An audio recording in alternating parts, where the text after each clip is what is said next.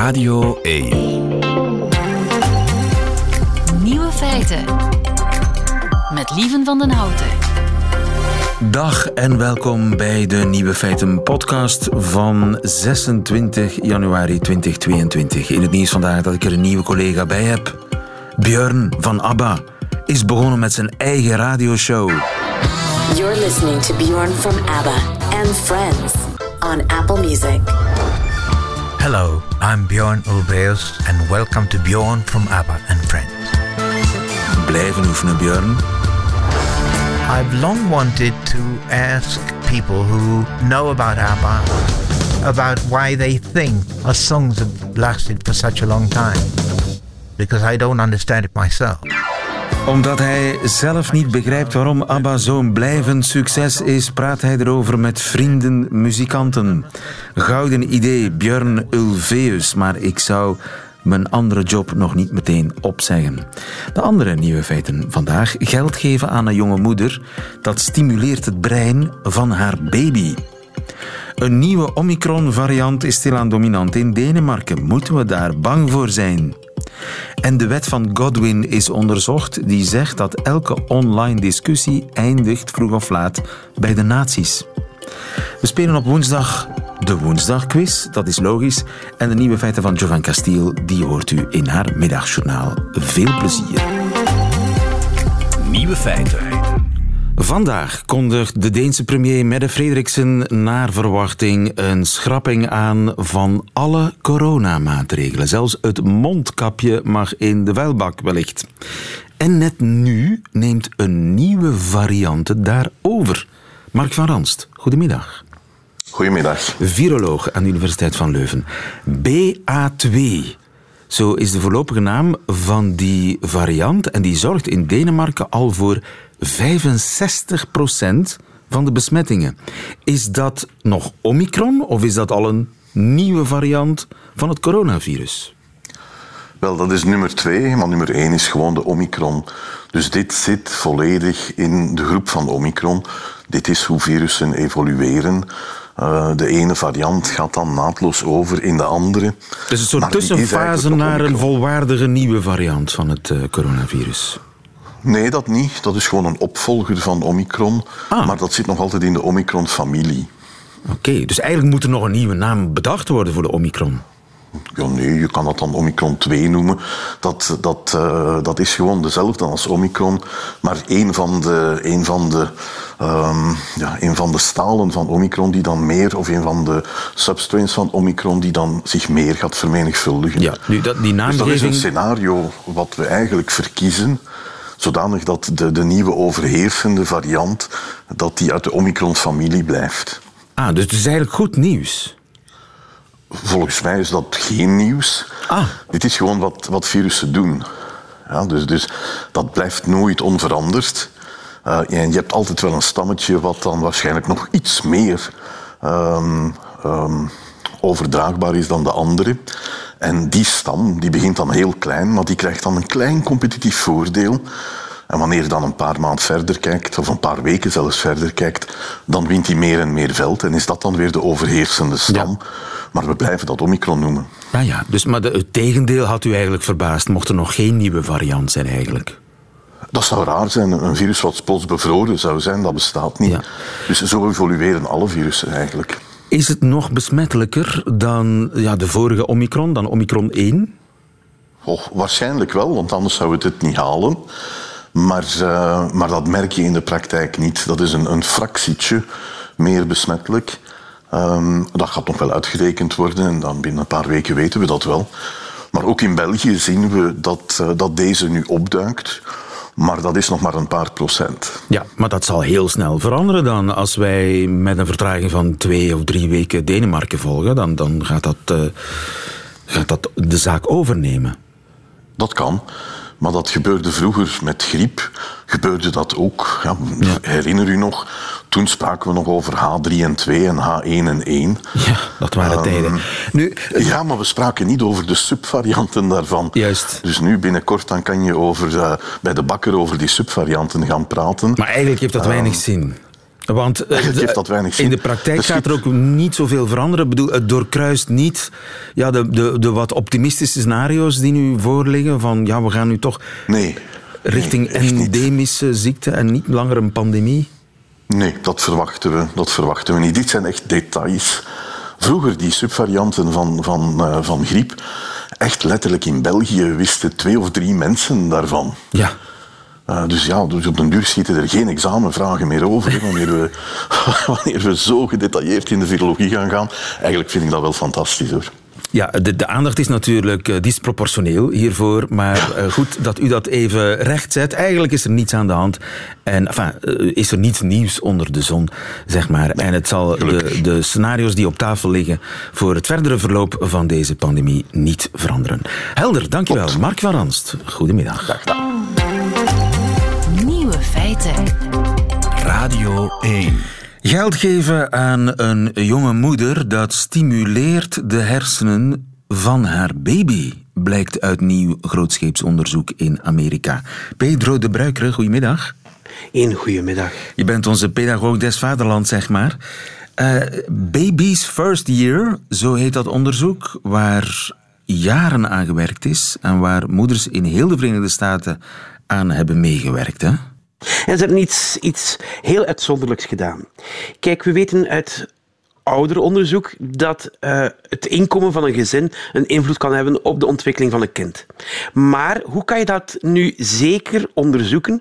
En dan heb je als wetenschapper een droom, we noemen dat een randomized control trial, waarbij dat je twee groepen kan volgen en dat je die aan twee condities toevoegt, zodat je zegt van, kijk, de een heeft meer geld dan de andere. Maar ja, hoe kan je dat doen en hoe kan je dat ethisch doen? En daar heb- hebben de onderzoekers een oplossing voor gevonden, dankzij eh, de nodige broodheren. Namelijk, ze hebben aan duizend moeders hebben ze de kans gegeven om, eh, nadat ze bevallen zijn, ofwel ja, wil je geld krijgen de komende vijf jaar. En de ene groep kreeg 20 dollar per maand, de andere groep kreeg 333 dollar per maand. En dan werden de kinderen, de babytjes, in feite bekeken na 12 maanden, dat is nu wat dat in het onderzoek bekeken wordt, maar ook na 24 maanden, na 36 maanden en na 48 maanden. Ja, ja, dus dat, is nog, eh, dat zal nog moeten blijken wat er dan gebeurt. Maar dus de eerste fase is afgerond. Het is onderzoek dat focust Ja. op het eerste jaar van eh, een baby. eh, geboren in een kansarm gezin. En Ja. eh, de ene mama, nieuwe mama, ver- kersverse mama, zoals dat dan heet, die krijgt eh 333 dollar per maand cash. Ze mag ermee doen wat ze wil. Ja, ze krijgen, eh, ze krijgen een soort van bankkaart. Hier heb je het geld, elke maand komt dat geld erop. Doe ermee wat je wil. En de, de andere moeder krijgt een veel kleiner bedrag, 20 dollar of zoiets. Ja. En wat merken we nu, na een jaar? Ze hebben bij meer dan 400 babytjes dan naar de hersenen gekeken. En je ziet verschillen in de hersenen tussen die twee groepen van kinderen.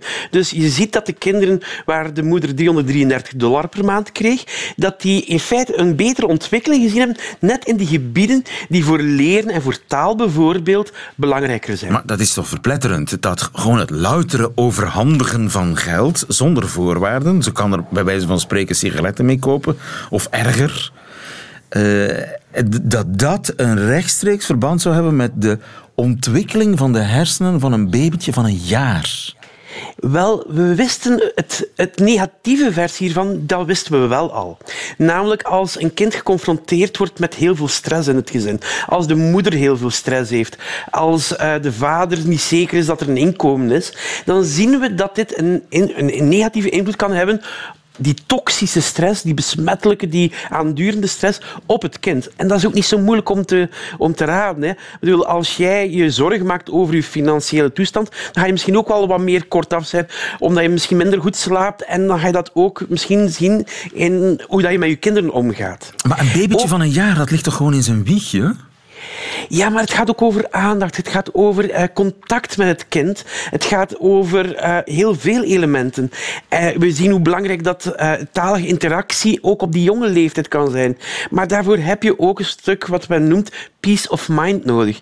En dus hier hebben we een aanwijzing dat je op die manier wellicht een stukje ja, gemoedsrust kan geven die zich vertaalt in de ontwikkeling van het kind. En uh, in dit soort onderzoeken is het altijd heel moeilijk om precieze causale verbanden aan te wijzen. Hè? Je hebt altijd vaak uh, correlaties, ja, maar geen causale verbanden. Maar ja, andere factoren die een invloed kunnen hebben. Maar daarom dat men nu net een bewust een randomized control trial gedaan heeft, waarbij men uh, willekeurig koos wie dat welk geld kreeg, om net die andere factoren uit te sluiten. Dus hier zien we wel degelijk een kausaal verband. Maar het zijn onderzoekers en ik volg hen daar volledig. We zijn ook wel heel voorzichtig. Zij zijn voorzichtig en dat is ook wel belangrijk, want we weten van ja, hoe gaat dit nog verder evolueren? Is dit een blijvend effect of niet? Maar deze eerste resultaten zijn wel behoorlijk duidelijk. Ja, dus want er komen nog, uh, andere, nog meer studies. Ik bedoel, die studie loopt nog verder. We gaan zien hoe dat kind zich verder ontwikkelt na een jaar, na twee jaar, na drie jaar. Klopt.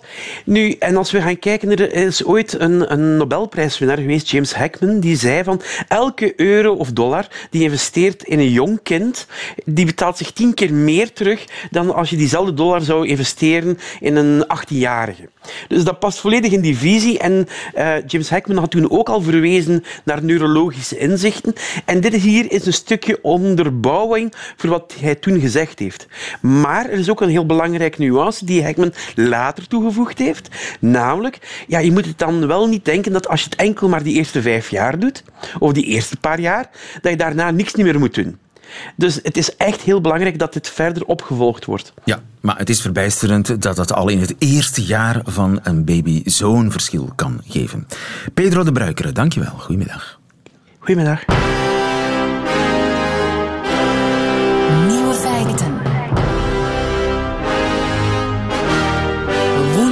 Quiz. En nu wordt het bittere ernst dankzij Gilles Wijkmans. Goedemiddag, Gilles. Hallo.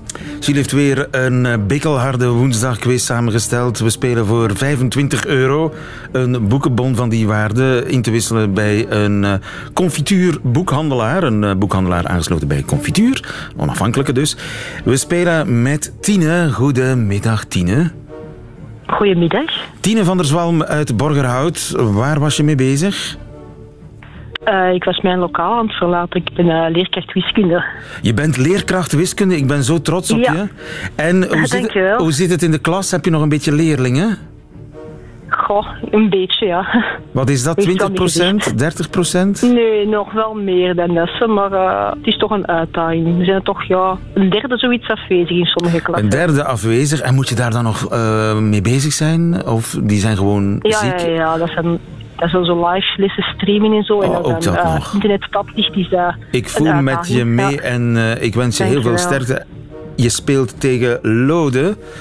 Lode van Goedemiddag. Assen uit Kortrijk. Uh, met een harde G, duidelijk. Niet echt een autochtoon Kortrijksaan. ja. Toch wel, Ja, maar een overcompenserende. Maar dat mag, dat, dat is, dat is, dat, dat is oké. Helemaal oké. Lode, waar was jij mee bezig? Waar was jij mee bezig, Lode? Eh, ik zit gewoon thuis in quarantaine. Ach, kijk. Wat is Ik ben collega van de tegenkandidaat. Ik ben leraar godsdienst in de RISO scholenwetenschap. Uh, en, wat- en jouw leerlingen doen het nu zonder godsdienstles? Of uh, hebben een vervanger? Nog wel eventjes, we geven een, uh, online wat taken enzovoort, maar Ja. dat loopt niet zoals het moet. Het leven zoals het is op eh, 26 januari 2022. Geen Eh, probleem. we gaan er snel aan beginnen. Jullie kennen de regels. Ik begin bij Ja. Tine, die zich eerst gemeld heeft. En zolang zij eh, goed antwoordt, blijft ze aan de beurt. Bij een fout antwoord gaat de beurt naar Lode. En wie het laatste nieuwe feit goed kent, die wint deze quiz. Vraag 1 is voor Tine. Tine, een Amerikaans voedingsbedrijf, werkt aan een nieuw product dat onze blik op voeding voor altijd zal veranderen. Want wat ligt er, als het aan hen ligt, binnenkort op ons bord? A. Stenen die via chemische processen eetbaar zijn geworden. B. Worsten gemaakt van celebrities. C. Een brok klei die alle belangrijke voedingsstoffen bevat. Tina, A, B of C? Oh, doe maar eh, C. Lode, het is niet C. Wat is het dan wel? Ik- Ik dacht A. Gilles, worsten gemaakt van celebrities. Ja, Hoe kan dat nu? Doorgaans geldt in deze quiz hoe het absurdste antwoord wint het meestal. Ehm, het gaat om een bedrijf, een Amerikaans eh, vleeskweekbedrijf. Dat, is een bedrijf dat zich dus bezighoudt met het kweken van vlees. Ze nemen stamcellen van dieren, van een kip bijvoorbeeld, kweken dat in een labo op, tot je dan ja, een, ja, een labo kipfilet hebt.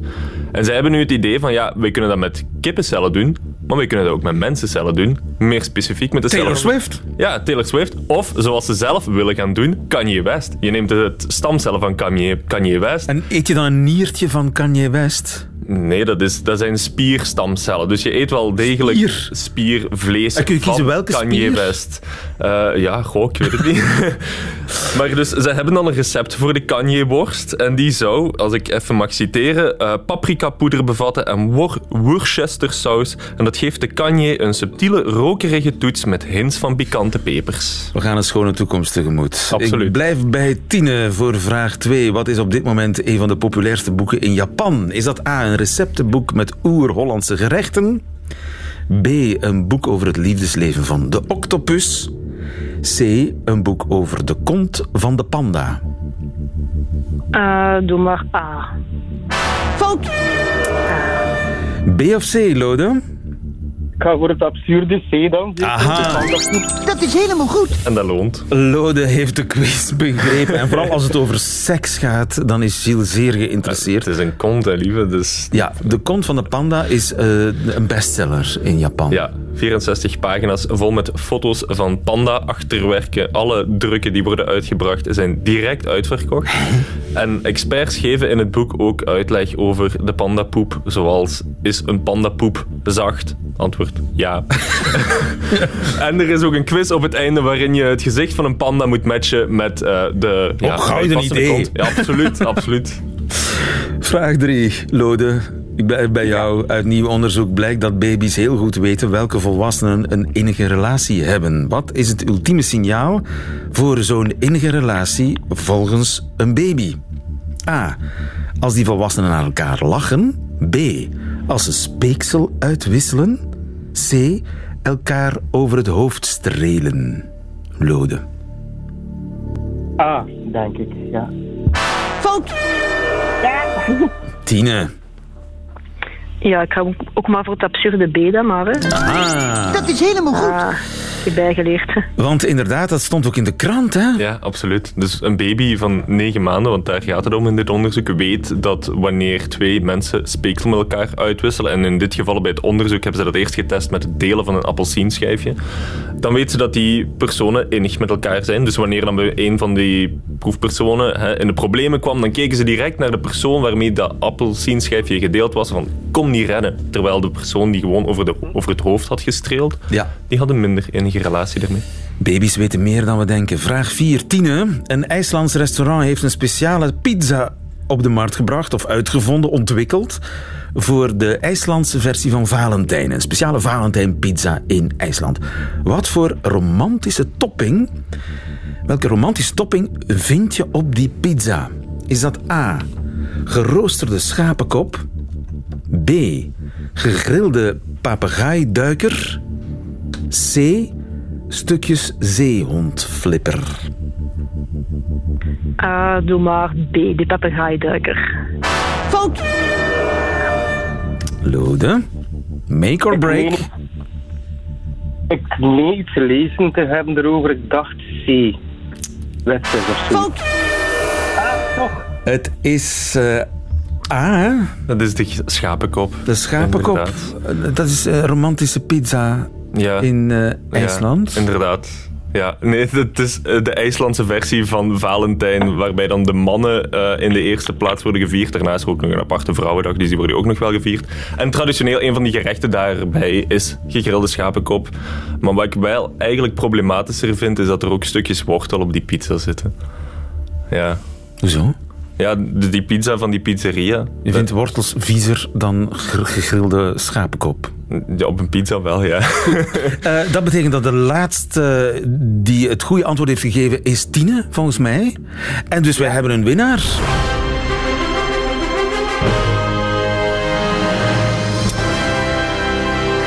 Helaas, uh, Lode, uh, quarantaine en dan ook nog eens verliezen in de quiz. Het, het, lot kan je hard treffen, Lode van Assen. Het leven is soms heel zwaar. Het leven is heel zwaar. Ik, ik wens je heel veel sterkte. en okay. gefeliciteerd, Tine van der Zwan. Weet je al welk boek je gaat kopen met je 25 euro boekenbon? Nog niet direct, maar ik kan zeker wel iets vinden. Iets, iets met wiskunde misschien? Ja, misschien wel. Hè. Ik krijg er niet genoeg van. Dankjewel, Tine van der Zwalm. Nogmaals gefeliciteerd. En volgende week is er weer een woensdagquiz. Dankjewel. Radio 1. Nieuwe feiten. De wet van Godwin is onderzocht om te kijken of die wet wel klopt. De wet van Godwin, die kent u misschien wel. Dat is een wet die zegt dat naarmate online discussies langer duren, de kans dat iemand Hitler of de nazi's bovenhaalt richting 100% gaat. Goedemiddag, Jeroen Baart. Goedemiddag. Je bent computerwetenschapper en podcaster bij Nerdland. Uh, de wet van Godwin, hoe lang bestaat die eigenlijk al? Waar komt die vandaan? Wel, die is eigenlijk al um, geponeerd in de jaren negentig, in de tijd dat de, de manier om op het internet te discussiëren nog via mailinglijsten was en nieuwsgroepen. Ach, en nostalgie. Uh, die is genoemd naar, ja, genoemd naar Mike Godwin. Dat is een, uh, een Amerikaanse advocaat en schrijver uh, die dat inderdaad gezegd heeft. Zo, als je maar lang genoeg wacht, is de kans dat iemand Hitler of de nazi's vernoemt, is die 100%. En ook vandaag de dag, hè, zelfs tot in het parlement toe, als het gaat over de antivaxers, die Davidster is nooit, uh, komt altijd om de hoek kijken. Hè? Dat, dat uh, inderdaad, dat is vandaag uh, zeer, zeer aanwezig. En jij zit ook op de sociale media. Merk jij veel van die wet? Um, wel, ik ga dan meteen beginnen over het onderzoek eigenlijk dat nu gedaan is. Um, dat gaat specifiek over Reddit. Dat zijn eigenlijk uh, mensen die in hun tuin zaten, wetenschappers, en die zeiden van, oh, hadden we maar een groot genoeg corpus om die wet op te testen. En een van die mensen dacht van, maar wacht eens even, we hebben toch Reddit? En die hebben van de laatste... Um, de laatste twee jaar van de twaalf grootste, Reddit is een heel groot berichtenforum, de twaalf grootste subreddits, want die, die fora zijn gecategoriseerd per onderwerp. Dus um, de, de subreddit politiek, de subreddit Donald Trump. Dus je zou wel denken, de subreddit nieuws, je zou wel denken dat daar de laatste twee jaar wel met wat nazi-termen zou gesmeten zijn, gezien uh, wat er allemaal gebeurd is in de wereld en zo. Um, Dr. Fauci wordt vergeleken met een, een nazi-dokter. Um, COVID-safe ticket zou een nazi-praktijken zijn. Dat soort uh, praat, ik ga me er verder niet over ja, uitspreken. Vaccinatie, uh, hè, zag ik op Vaccinatie, die, inderdaad. Dat is oh, oh. slogan op de betogingszondag. Hemeltje, beetje kots in mijn mond. Goed. Um, die hebben dus uh, volledig Reddit gedownload van die jaren en die hebben eigenlijk geanalyseerd. En wat blijkt, um, als de conversatie uh, begint, ja, dat begint uiteraard nooit met, uh, met verwijten van nazi. De, het punt waarop het, het het meeste kans heeft om voor te komen is na 20 posts tot 35 posts. Dan heb je een kans van 10% dat er iemand over nazi's begint. Ja. Maar als de thread dan verder gaat, gaat die kans eigenlijk naar nul. Huh? En dat is toch wel een, een opvallende... Een opvallende uh, Wacht eens even. Ja. Dus uh, die wet van Godwin klopt, maar is beperkt in de tijd is beperkt in de tijd en het gaat ook niet naar 100%. Maar er zijn een paar verklaringen voor dit fenomeen. Uh, Reddit is een, een, een, een, een forum waar dat veel mensen, we zijn ondertussen 30 jaar verder sinds de uitvinding van de wet, waar dat heel veel mensen zich ook bewust zijn van Godwin's Law en weten dat je jezelf een klein beetje belachelijk maakt als je ermee afkomt. Dus misschien dat ze het niet in de expliciete termen gaan gebruiken. Dus dat kan al meespelen, een soort van zelfbewustzijn van de internetgeneratie. We zijn 30 jaar ver verder. De mensen die nu op een internetforum zitten te discussiëren, zijn uh, grotendeels niet dezelfde als de mensen dat dat 30 jaar geleden deden. Um, Reddit wordt ook heel hard gemodereerd, dus het kan zijn dat heel veel van die berichten gewoon uiteindelijk Reddit niet bereiken. Um, en ook het, uh, het, het, het idee van uh, nieuwe content in te voegen in een thread. Um, een thread is een, een discussie. Een draadje, hè? Heel, een draadje, een draadje, zoals we zo mooi zeggen. Ja. Uh, wat, wat ze eigenlijk merkte, is dat nieuw vocabularium invoegen in een thread steeds moeilijker werd naarmate dat de thread verder ging. Dus dat de thread uiteindelijk wordt uh, in leven gehouden door mensen, drie, vier mensen, die heel hard aan het discussiëren zijn en eigenlijk hunzelfde punten blijven herhalen tegenover elkaar. Um, heel veel van de, de commentaren vroeger op, op, op, op, op nieuwsgroepen hebben en, en e-maillijsten, was het normaal dat je een hele lange mail typte met twintig paragrafen en, en om, om je punt te maken. Terwijl nu de commentaren eerder kort zijn. Het kunnen ook memes zijn waarmee je mee antwoordt, of gewoon lol. Of, dus de, de soort de soort discussies die we online voeren zijn ook veranderd sinds de uitvinding of de, de, ja, de, de ponering van, van de ponering van, van. Maar hoe moet ik, wat moet ik nu concluderen? Dat die wet uh, opgaat voor kort, redelijk kortstondige, oppervlakkige discussies en naarmate mensen langer, nog langer, voorbij die eerste fase gaan en dan uiteindelijk doordiscussiëren, dat dan die wet terug verdwijnt. Kan je dat concluderen op basis van enkel Reddit te bekijken? Ik denk van niet. Ik denk dat we Godwin's Law eerder moeten interpreteren als uh, dingen kunnen snel escaleren op het internet. Uh, een combinatie van um, ja, uh, anonimiteit, zeker een combinatie van snel iets, iets posten, kan ervoor zorgen dat mensen heel snel overdrijven of heel snel gaan schelden. Um, de, gaan schelden. Ik denk dat het... Ik dat hoop je dat jij een kogel krijgt, dat soort uh, Inderdaad, inderdaad. Het is ook een beetje een waarschuwing. Het is ook een beetje een waarschuwing langs de andere kant van kijk, als je dat doet, als je de holocaust bovenhaalt, of het, de referentie naar het ultieme kwaad, zoals we maar zullen zeggen, dat is eigenlijk ook een beetje not done. Dus het is een, een wet die een beetje langs twee kanten werkt ook. Dus ik denk dat we, dat we ze eerder zo moeten interpreteren en dat, denk ik, in dit onderzoek Reddit een te kleine pool is om Ja. die boel in te gaan testen. Dus we moeten eigenlijk concluderen dat de wet nog niet grondig is onderzocht. Nee, en voor zover dat ze grondig kan onderzocht worden, de, de wet is ook een, een kind van zijn tijd. Dus ik, ik, ik weet niet of dat het bewustzijn over de wet, daarvoor ga je met een psycholoog moeten praten, maar het bewustzijn over de wet kan mensen ook al een beetje doen uh, denken van, ja, maar Ja. wacht, ga ik degene zijn die het Godwin-punt hier bereikt? Het Godwin-punt is het punt waarop het gebeurt. Ja. nee, dus mensen zijn misschien ook wat terughoudender. Dus de, wet kan zichzelf beginnen opheffen door het feit dat iedereen hem kent. eh, gaat iedereen Ik, ik, terugdenken ik zou eens, eh, om het... eh, Ik zou eens alle Facebook-commentaren bekijken. Volgens mij gaat dat een heel ander eh, beeld geven, want dat is een ander soort publiek. Dus ik, ja, ik, ik, ik denk dat het, dat het met dit onderzoek nog niet eh, omvergeworpen is, Godwin's Law, maar meer onderzoek is nodig. Er zitten doctoraten in. Jeroen Baart, dankjewel. Goedemiddag. Niet voor mij. Goeiedag. Nieuwe feiten. 26 januari vandaag. Hoe ziet de dag eruit voor de Amerikaanse Vlaamse Jovan Castile? Nieuwe feiten. Middagjournaal. Goedemiddag. Nadat de film Titanic uitkwam, kreeg regisseur James Cameron tien jaar lang klachten van Neil deGrasse Tyson, een astrofysicus die vond dat de sterrenhemel in de laatste scène van de film totaal verkeerd was. Dat was niet hoe de sterren eruit zagen in april 1912, schreeuwde hij van van achter in de cinema.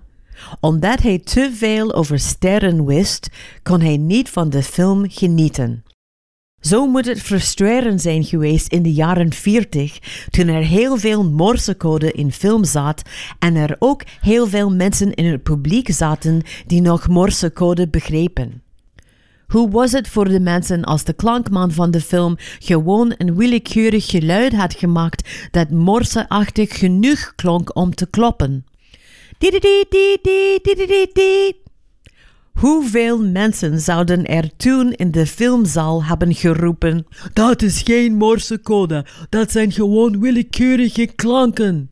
Maar goed, ik moet toegeven dat ik zelf ook ooit zoiets heb gedaan. Jaren geleden bij de film Double Jeopardy. Op een bepaald moment stond het hoofdpersonage, gespeeld door Ashley Judd, in de keuken wortelen te snijden. En die wortelen waren kei vuil en niet geschild.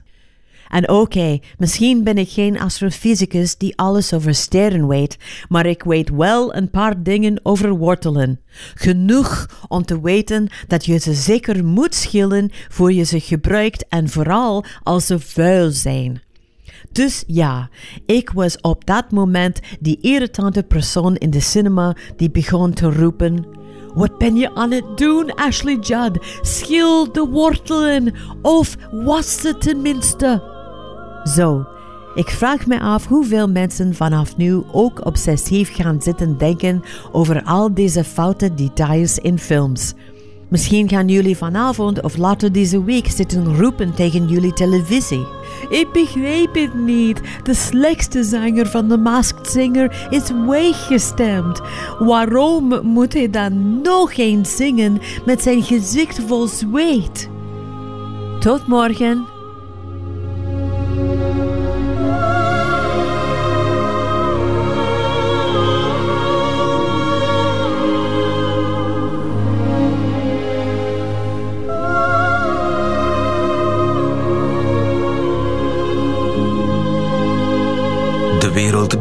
De ogen van Jovanka Steele. Einde van deze podcast van Nieuwe Feiten. Hoort u liever de volledige uitzending? Dat kan natuurlijk live elke werkdag tussen 12 en 1 op Radio 1 of on demand via de Radio 1 website of app. Tot een volgende keer.